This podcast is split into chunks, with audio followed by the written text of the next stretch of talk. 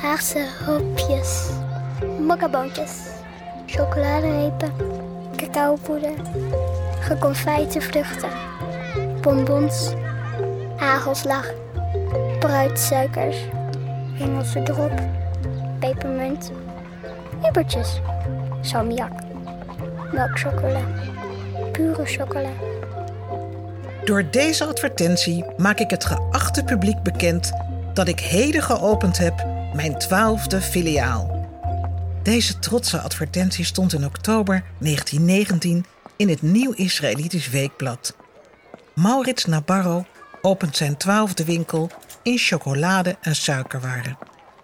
Als zijn dochter Rebecca eindelijk besluit te trouwen, krijgt ze de winkel met woonhuis als bruidschat mee.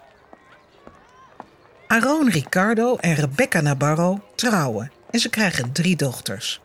Sarah, Sini en de jongste dochter Stella, met roepnaam Stelly. Zij wordt geboren in 1926 en vele jaren later wordt ze mijn moeder. Ze groeide op in de Wijsperstraat te midden van snoep, chocolade en drop. En van talloze andere winkels, zoals de bakkerij van Vuistje schuin aan de overkant en die van de Liever even verderop. De vishandel van Van Kleef, de koekjes van Jamin, de sigarenhandel van Mozes Querido en vele, vele andere. We stapten vaak expres een halte eerder de tram uit om langs de winkel op nummer 87 te kunnen lopen, in de hoop dat meneer daar stond, vertelde iemand me ooit. Meneer was meneer Ricardo, mijn grootvader Aaron. Hij stond zo nu en dan snoepjes uit te delen op straat aan de kinderen die toevallig voorbij kwamen.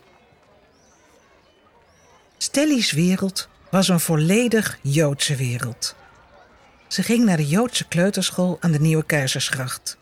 Haar lagere school was de Palasschool aan de Lepelkruisstraat.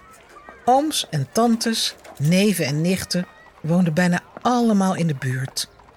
Het was een hechte en warme wereld. Een zoete wereld.